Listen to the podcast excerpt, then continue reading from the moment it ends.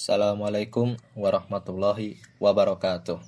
Nah, kita lanjut lagi ngebaca buku 20 kerangka pokok pendidikan islami karya Dr. Andes Muhammad Talib. Sekarang udah bab 4. Judul babnya objek didik.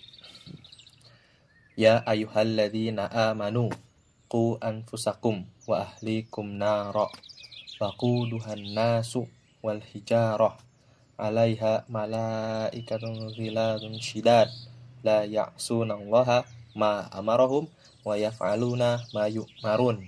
Maknanya, hai orang-orang yang beriman, peliharalah diri kamu dan keluarga kamu dari neraka yang bahan bakarnya manusia dan batu. Penjaganya malaikat yang kasar, yang keras. Mereka tidak mendurhakai Allah terhadap apa-apa yang diperintahkannya kepada mereka dan mereka melaksanakan apa yang diperintahkan. At-Tahrim ayat 6. Sekarang hadis an Abdillah bin Umar qal qala Rasulullah sallallahu alaihi wasallam kullukum ra'in wa kullukum mas'ulun an ra'iyatih. Al-imam ra'in wa mas'ulun an ra'iyatih. Wal rajul ra'in fi ahlih wa huwa mas'ulun an ra'iyatih. Wal mar'ah ra'iyah fi baiti zaujiha wa mas'ulah an ra'iyatiha. Maknanya dari Abdullah bin Umar ia berkata, Rasulullah Shallallahu alaihi wasallam bersabda, setiap orang di antaramu adalah pemimpin dan setiap orang dimintai pertanggungjawaban atas kepemimpinannya. Seorang imam adalah pemimpin bagi umatnya. Ia dimintai tanggung jawab atas kepemimpinannya seorang suami pemimpin bagi keluarganya. Ia dimintai tanggung jawab atas kepemimpinannya. Seorang istri pemimpin bagi rumah tangga suaminya bila suaminya pergi. Ia dimintai tanggung jawab atas kepemimpinannya. Hadis riwayat Bukhari. Penjelasan Ayat di atas menjelaskan bahwa orang tua diperintahkan untuk menyelamatkan anak-anaknya dari segala macam perbuatan yang menjerumuskannya ke dalam neraka. Dari ayat ini, kita memperoleh isyarat bahwa anak merupakan objek didik dari orang tuanya. Hadis di atas menjelaskan bahwa seorang pemimpin bertanggung jawab mengurus orang-orang yang dipimpinnya atau rakyatnya Para pemimpin berfungsi sebagai pendidik bagi pengikut atau rakyatnya, dan rakyat atau pengikut menjadi objek didik di bawah kepemimpinan seorang pemimpin. Dengan ayat dan hadis tersebut, Islam menjelaskan bahwa objek didik dalam lingkup keluarga terdiri dari anak-anak yang menjadi anggota keluarga seseorang dan objek didik dalam lingkup masyarakat adalah rakyat atau warga yang berada di bawah kepemimpinan seseorang. Kewajiban objek didik atau anak didik adalah mengikuti dan melaksanakan segala ajaran dan contoh yang baik yang diberikan oleh pendidik sesuai dengan tingkat kemampuan objek didik. Sekarang bab 5 yang judulnya materi walladhi ba'atha fil ummiyin rasula minhum yatlu alaihim ayatih wa yuzakkihim wa yu'allimuhumul kitab wal hikmah wa in kanu min qablu lafi dhalalim mubin. Maknanya dialah Allah yang mengutus ke kalangan golongan ummi seorang rasul dari kalangan mereka sendiri dia membacakan ayat-ayatnya kepada mereka dan membersihkan jiwa mereka, maksudnya memberantas kesyirikan dan mengajarkan kepada mereka Alkitab dan Al-Hikmah. Padahal sebelum itu mereka berada dalam kesesatan yang nyata. Al-Jumu'ah ayat 2.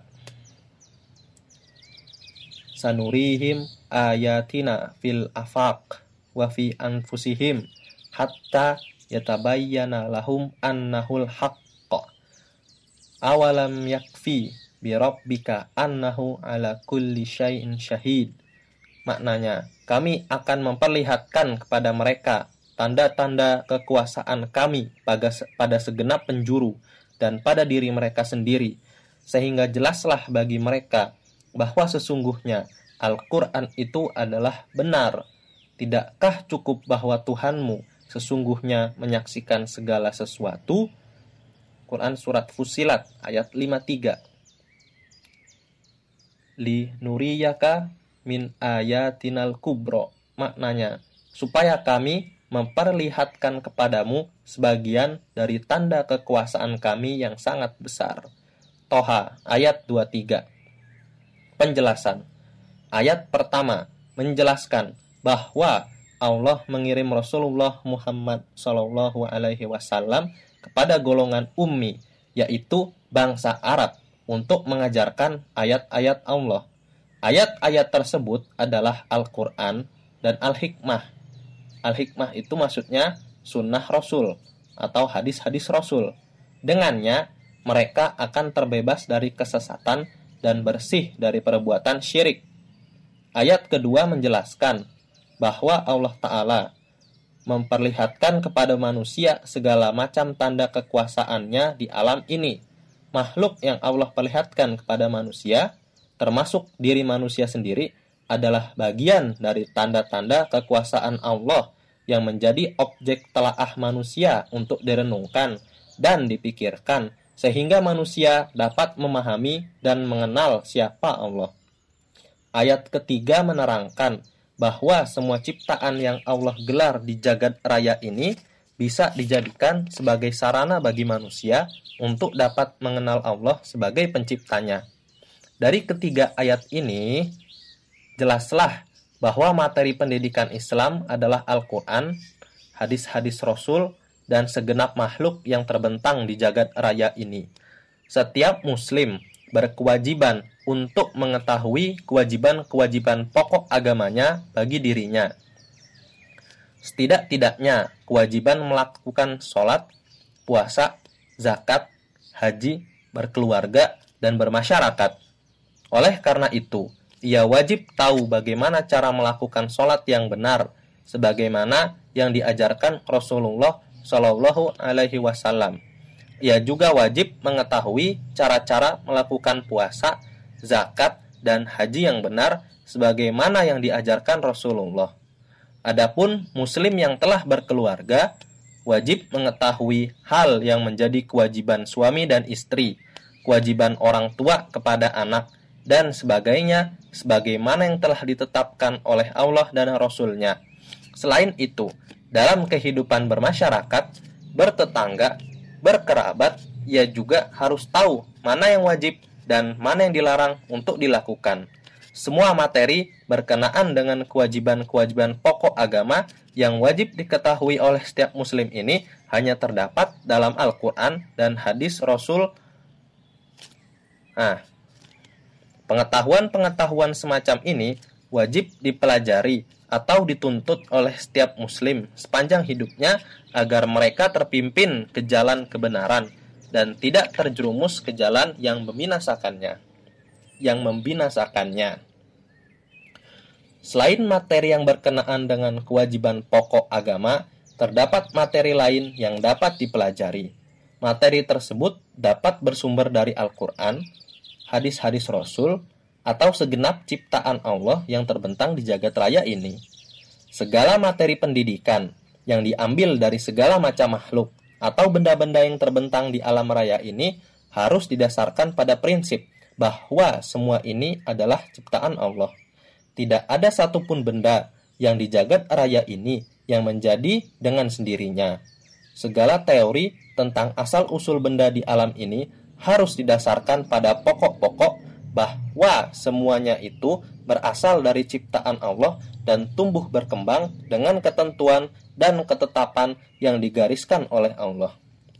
Dengan prinsip pendidikan semacam ini, seharusnya tidak boleh ada mata pelajaran apa pun dalam konsep pendidikan Islam yang menyalahi garis ketentuan ini. Pelajaran biologi yang mengatakan bahwa asal-usul makhluk hidup adalah dari makhluk satu sel tanpa menjelaskan bahwa makhluk satu sel itu ciptaan Allah telah menyalahi ketentuan ayat di atas. Materi pendidikan Islam tidak hanya terbatas pada makhluk di luar manusia, manusia juga merupakan bagian dari materi pendidikan itu. Jadi, menjadikan manusia sebagai materi pendidikan adalah konsep Islam.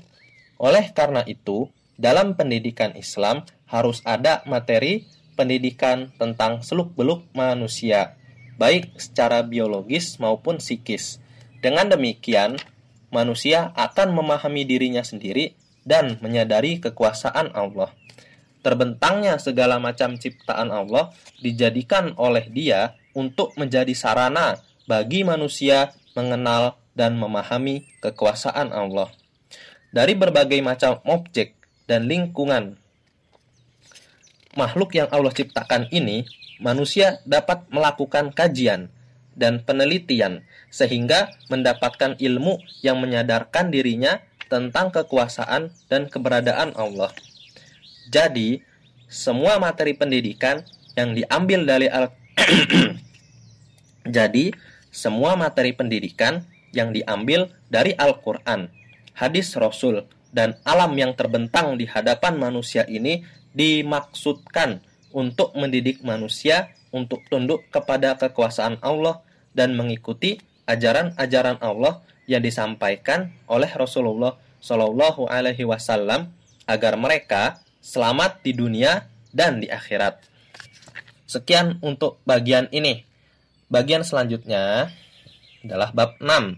Semoga bermanfaat. Wassalamualaikum warahmatullahi wabarakatuh. Wabarakatuh.